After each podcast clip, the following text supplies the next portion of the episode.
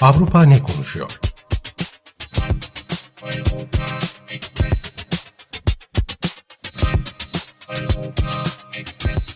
Avrupa medyasından yorumlar.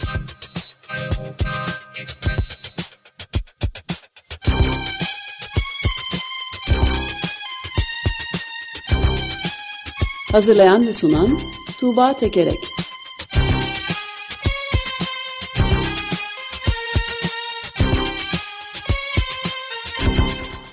Günaydın Tuğba, merhabalar. Günaydın Ömer Bey. Günaydın. Günaydın Özdeş. Evet Avrupa ne konuşuyormuş bakalım bugün? Ömer Bey Avrupa ne konuşuyor'a geçmeden önce ben Açık Radyo'yu ve kendimizi tebrik ederek başlamak istiyorum bugünkü programa. Hrant Dink ödülü nedeniyle hak edilmiş bir ödül fazlasıyla Çok e, ülkemizde ederiz. ülkemizde maalesef e, hani iyi işler yapıldığında çok uzun sürmüyor ve kurumsallaşamıyor. Açık Radyo bu açıdan çok emsalsiz bir örnek teşkil ediyor neredeyse. Güçlenerek devam etmesi dileğiyle diyorum Avrupa ne konuşuyor'a geçmeden önce. Çok teşekkürler. Hepimizin birlikte kolektif çabası sonucunda olduğunu ben de sizin bütün programcılarımıza ve çalışanlarımıza da tebriklerimi sunarım. Teşekkürlerimi de.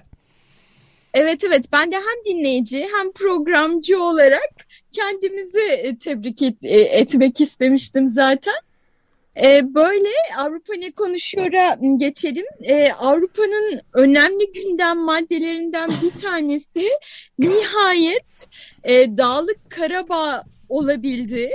Hani uzun yıl e, uz- e, uzun zamandır işte orada bir e, dram yaşandığından bahsediyorduk. Uzun yıllardır dondurulmuş bir çatışmaydı. Ama o çatışma işte dondurulmuş olmaktan çıkıp insanlar ölünce Avrupa'nın gündemine girdi. Ee, Salı günü Azerbaycan'ın terörle mücadele operasyonu diye nitelendirdiği bir saldırı başlattı Azerbaycan. Ee, ve bunun ardından da yapılan ilk resmi açıklamaya göre 27 kişi e, öldü.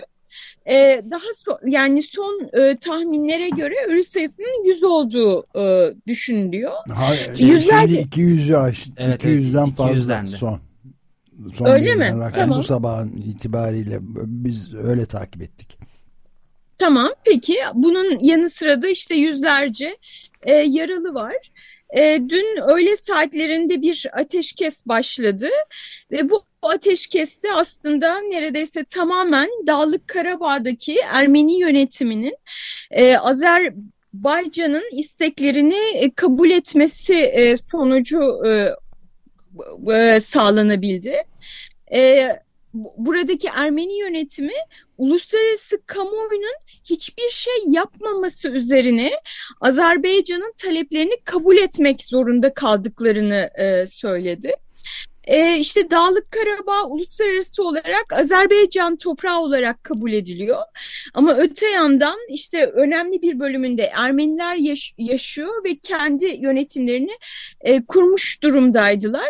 E, bu ateşkese göre Ermeni gruplar e, artık e, silahsızlanacaklar ve görüşmelerde de Dağlık Karabağ'ın Azerbaycan'a ente- entegrasyonu konuşulacak ve burada da yine yani Ermeni nüfusun ne olacağı ciddi bir e, kaygı kaynağı.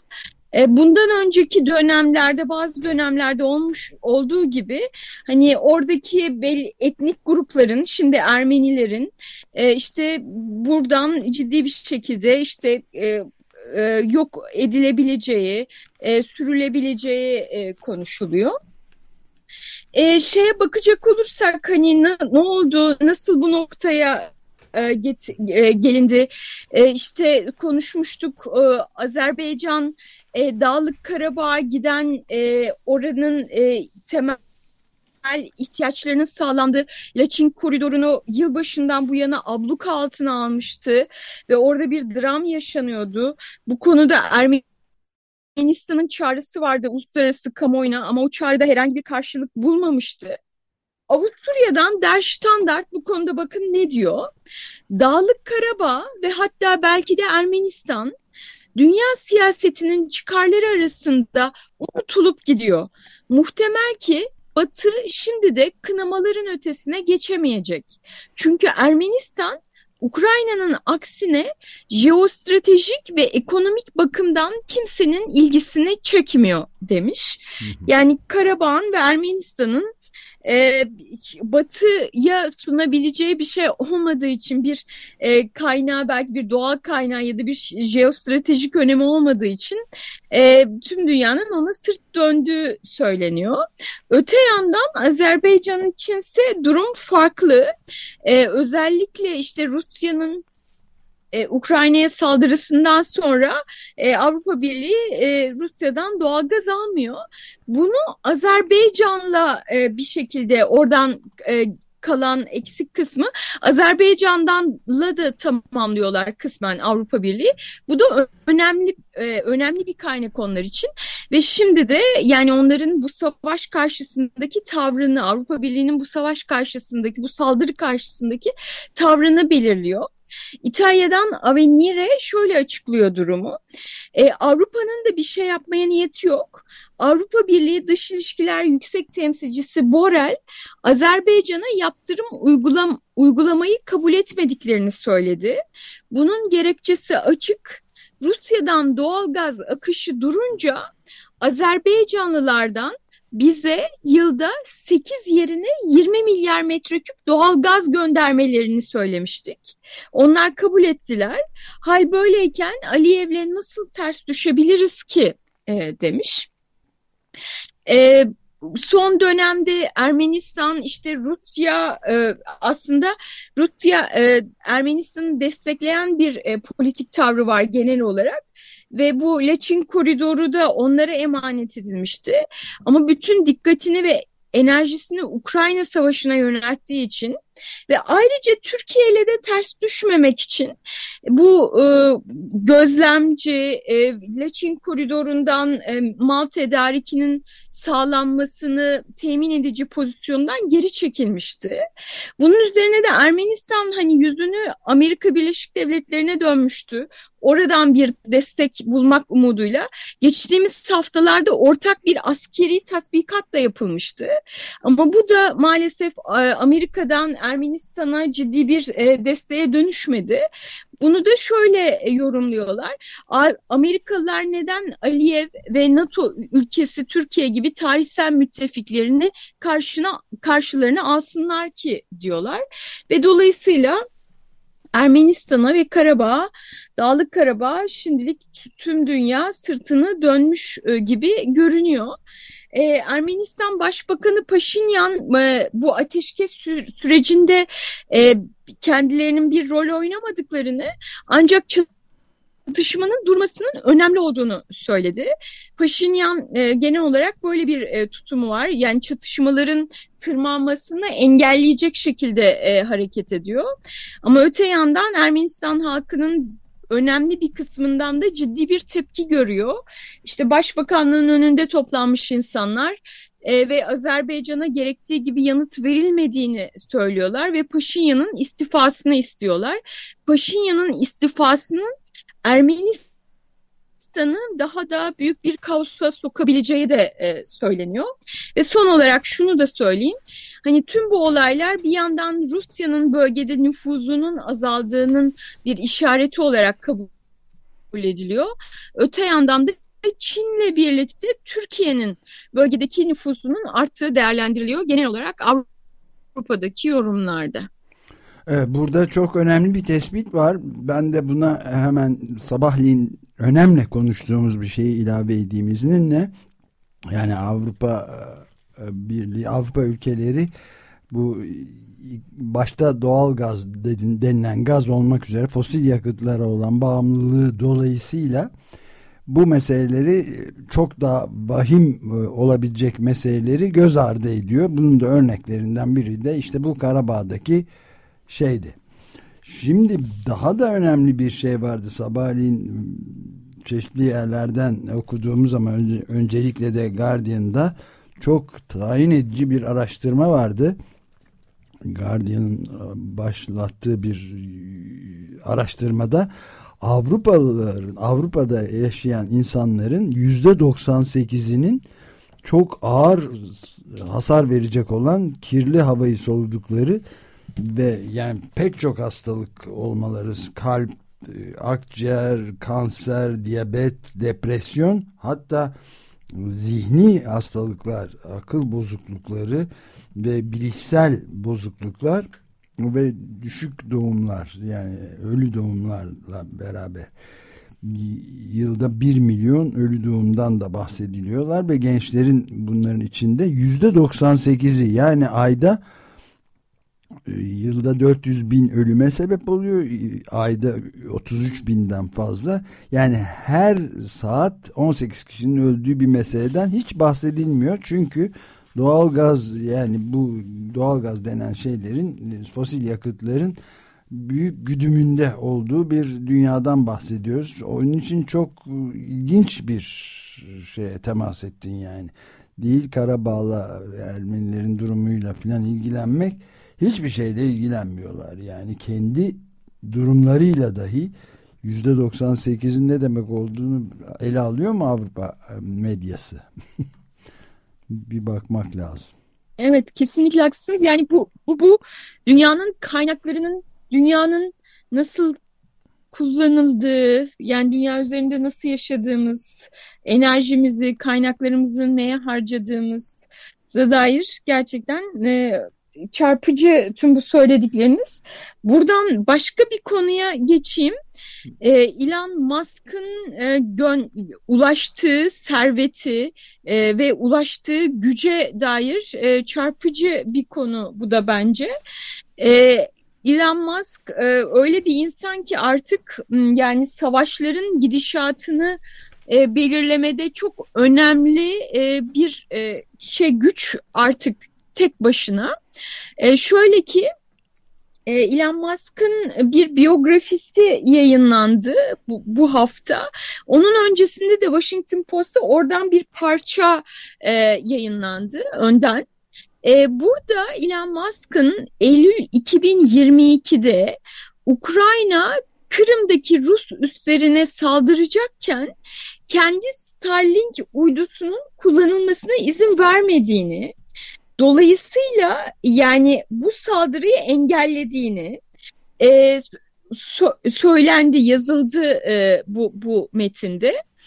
E, Elon Musk Starlink uydusuyla Ukrayna'daki iletişimi çok büyük ölçüde e, bu Starlink uydusuyla sağlanıyor.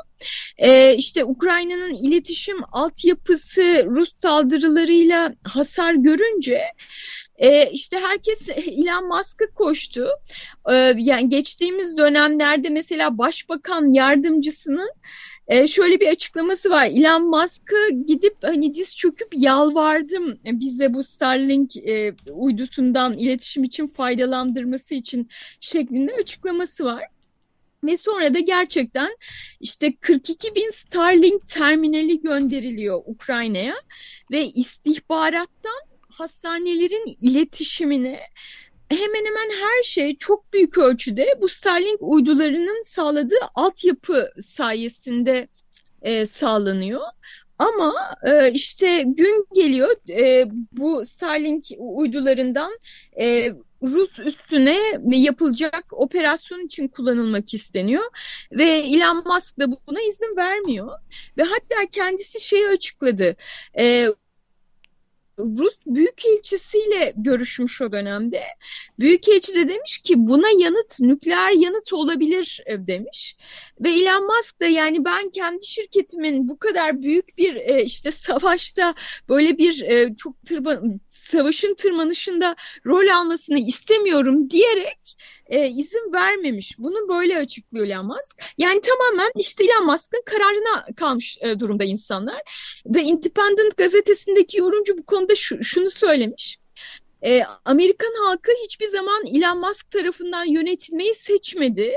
Ukrayna halkı da öyle. Ancak mevcut durum tam da böyle.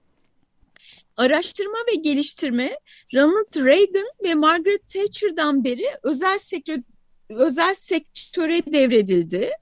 Batı demokrasilerinin son yıllarda iyice açığa çıkan bu araştırma ve geliştirme isteksizliğiyle Musk'ın devasa serveti birleşince milyarderlerin insafına bağımlı kalmak gibi nahoş durumlarla karşı karşıya kalıyoruz e, demiş e, buradaki yorumcu.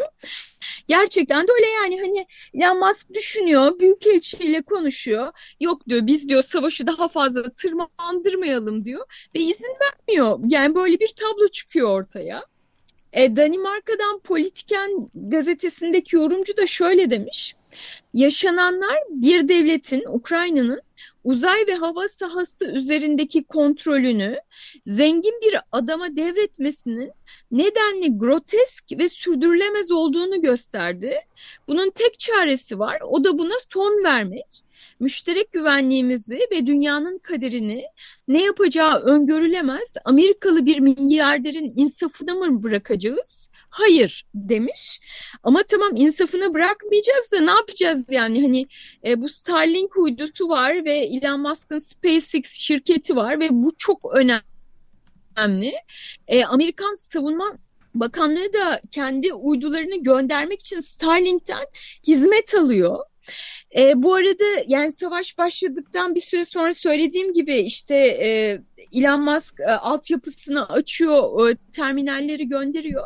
Bir süre sonra diyor ki e, ben bunu hani sonsuza kadar finanse edemem diyor.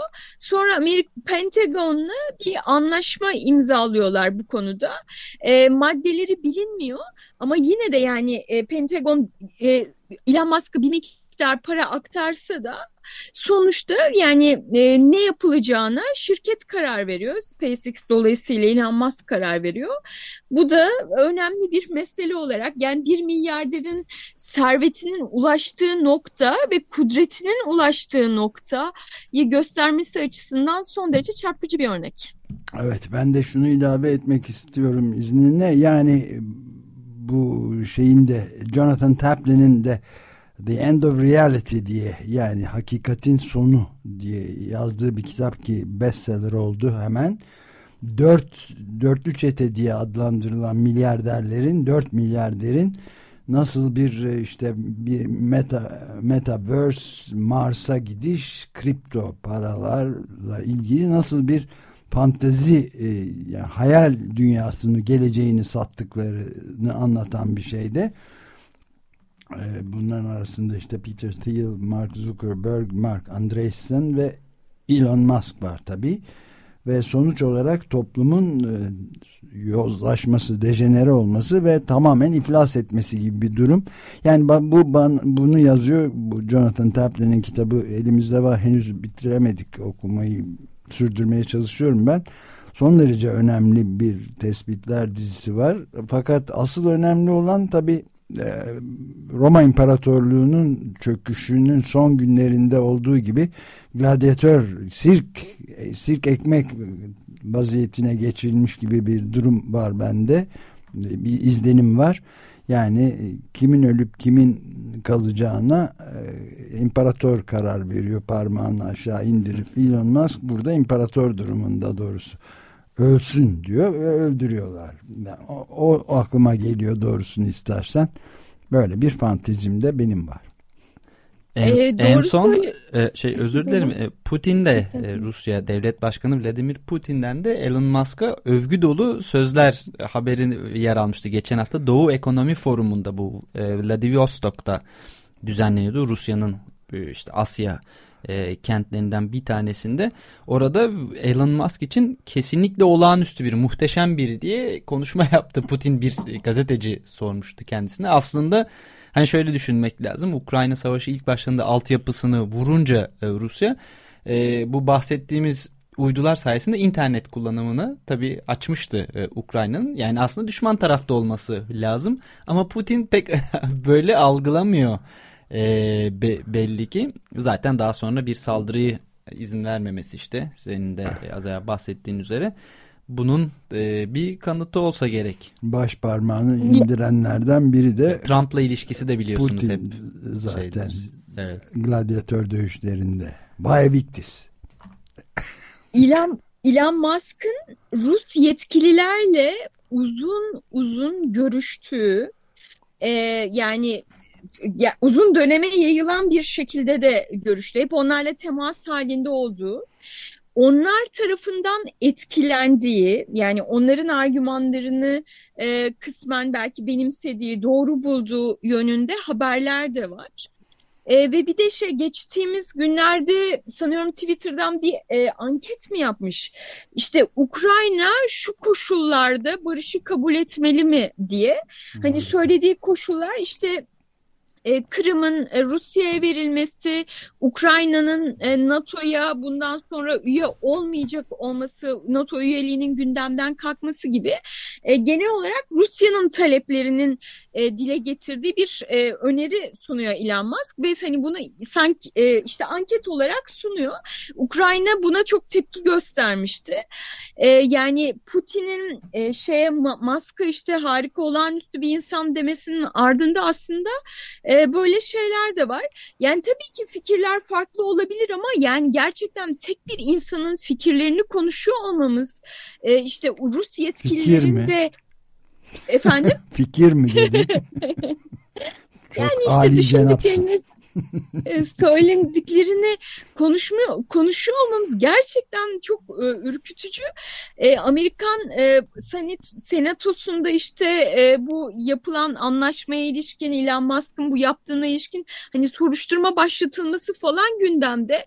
Ya ama bu bunları bir yıldır yapıyor ve hiç kimse görmüyor. Şimdiye kadar hiç mesele olmamış ve, ve hani böyle bir şey yapabilir sonuçta yani tek bir insan sizin söylediğiniz gibi hani şeyine bakıyor pa- parmak şıklatmasına indirip kaldırmasına bakıyor. Ee, şimdi böyle bu gündeme gelmiş. Aa bu konuda soruşturma açalım diyorlar. Gerçekten akıl almaz zamanlar sizin de sıkça söylediğiniz gibi Ömer Bey. Evet aynen öyle. Ee, şey İspanya'dan bahsedeyim.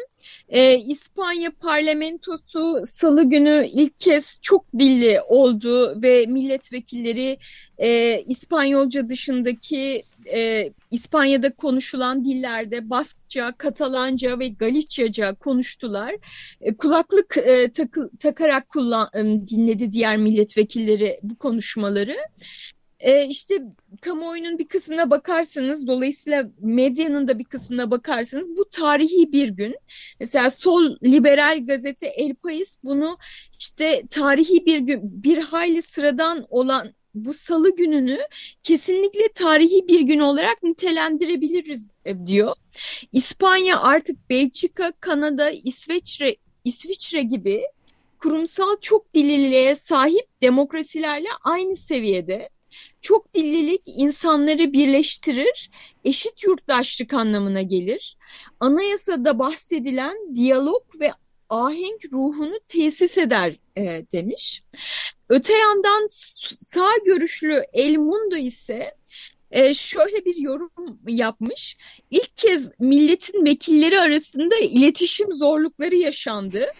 Çeviri için kulaklıkların kullanılmaya başlanması dilsel çoğulculuk kisvesi altında uyuşmazlığın simgesi demiş. Herhalde Avrupa Birliği karşıtı ee, olsalar gerek de işte, Hakikatin sonu gelmiş. hakikaten Çıkalım demiş olması lazım. Çünkü yani yıllardan beri Avrupa Birliği parlamentosu da böyle bir şekilde işliyor. Evet, e şey Vox aşırı sağcı Vox Partisi'nin milletvekilleri bu konuşmalar başlar başlamaz kulakların kulaklıklarını e, işte Başbakan Pedro Sanchez'in masasına bırakarak genel salonu terk ettiler. E, ayrıca sağcı Halk Partisi de bunun gereksiz olduğunu, işte zorlamayla, dayatmayla alınan bir karar olduğunu söyleyip e, bunun engellenmesi için tüm yasal baş, yollara başvuracağını e, açıkladı. Hem ee, gereksiz yandan, deyip işte, hem de daha fazla uzatmaya mı evet. e, şey yapmış Halk Partisi? yani gereksiz dediğiniz bir şey ya bunları e, boş verin başka işler kalkınma zaten böyle diyordu Halk Partisi. Yani asıl olan ekonomi nelerle uğraşıyoruz ama bir yandan da dava açıp falan engelleyeceğiz mi diyor yani pek de o kadar önemsemiyor değilmiş o zaman gereksiz derken şunu e, belki şöyle de tamamlamak lazım. Gereksiz bir maliyet getirdiğini e, söylüyor. E, işte hani hem çevirmen hem de ekipman Bravo. açısından işte bunlar konuşuluyor gerçekten. Yani şimdi not almadım ama işte yıllık maliyeti şu kadar olacak, şu kadar ek personele ihtiyaç var falan. E, bunlar da konuşuluyor. Gereksiz bir ek maliyet e, getirdiğini e, söylüyor. E, Halk Partisi. E, tabii bütün bunlar şeyle ilgili e, Sosyalist İşçi Partisi'nin e, sol partilerle e, kur, bir hükümet kurmak istemesiyle ilgili. İşte 23 Temmuz'da seçim olmuştu. E, sağcı Halk Partisi hükümet kuracak çoğunluğa sahip olamıyor. E, Sanchez'in Sosyalist İşçi Partisi hükümet kurabilir. Hükümet kurarken sol partilerle koalisyon yapacak ama aynı zamanda bu ayrılıkçı Bask ve Katalan partilerinde dışarıdan desteğine ihtiyaç duyuyor. Bu bu hamleler aslında dışarıdan destek için e, verilmiş tavizler olarak da görülüyor kimileri tarafından. E, bunun yanı sıra işte e, İspanya hükümeti bununla paralel olarak Avrupa Birliği'ne Katalanca, Baskça ve Galicyacanın Avrupa Birliği'nin resmi dilleri arasında kabul edilmesi için de e, bir başvuruda e, bulundu. Ve bu, bu başvuruyu yaparken de şey söylediler. Katalanca sadece bir azınlık dili olarak düşünülemez. 10 milyon kişi tarafından kullanılıyor. E, Avrupa Birliği'ndeki bazı ülkelerin hani resmi dil devlet resmi dilinden daha fazla kullanılıyor da dedi. Böyle bir hamlesi de var ve buna ek olarak daha şey netameli bir konu e, 2017'de Katalonya'da yapılan yasa dışı sayılan bağımsızlık referandumunda yargılananlar için af getirilmesini evet. de istiyor bu ayrılıkçı partiler.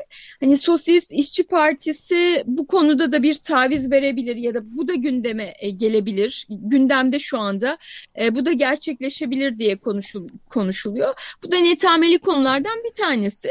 Ama tüm bunlar gösteriyor ki aslında hani beş yılda o, o referandum, bağımsızlık referandumu yapıldığında son derece gergin bir ortam vardı. Hani yıllar içerisinde işte e, buraya gelindi. Çok dilli bir parlamento ve af noktasına yaklaşıldı. E, İspanya'da da bu yönde adımlar görüyoruz diyebilirim. Evet hakikatin sonu. Deyip hakikatin sonu. Son olarak süremiz bitti ama e, birkaç cümleyle şeyden bahsedeyim. E, Almanya sandalet üreticisi Birkenstock Amerika borsasına girmek için başvuru yaptı. Bunu almam bu, bu haberi aktarmamın sebebi yani Birkenstock terlikleri hani görüntü olarak da enteresan e, işte mod çok şey moda değil çok enteresan değil ama bir yandan da modası hiç geçmiyor. İşte 1774'te kurulan bir şirket aile şirketi 2021'e kadar e, tek şunu aktarayım. Financial Times gazetesinden bir yazar işte bu şeyi Birkenstock'un başarısını anlatırken şey söylemiş. Şirketin Amerika'da ortalama bir müşterisinin 3.6 çift Birkenstock var. Bizzat benim daha fazla var e, demiş. E, yani Birkenstock terlikleri yüzün faz, yüzden fazla ülkede satılıyor ve işte e, hani pek çok evde var gibi görünüyor bu benim e, yorumlardan okuduğum kadarıyla. Amerika'da işte sıra ortalama bir müşteride 3.6 çift varmış. Ben bir fiyatlarına bakayım dedim. Ee, Türkiye'de fiyatlar 5-6 bin gibi fiyatlar gördüm bir sandalet için, bir terlik için. İşte 3-4 bin olanlar da var. Parmak arası mı bunlar? Ee, parmak arası olan da var, olmayan da var. Tek bantlı da var, çift bantlı da var. Ee, şunu düşündüm. Ee, Türk ortalama bir Türk Türkiye'linin maaşı ortalama bir Amerikalının evindeki bir Birkenstock sandaletleri kadar etmiyor diye düşündüm. Ee, bunu da söylemek istedim bu haftaki Eurotopics. Çok teşekkür ederiz Tuğba. Görüşmek üzere. Görüşmek üzere. Tamamdır. Hoşçakalın.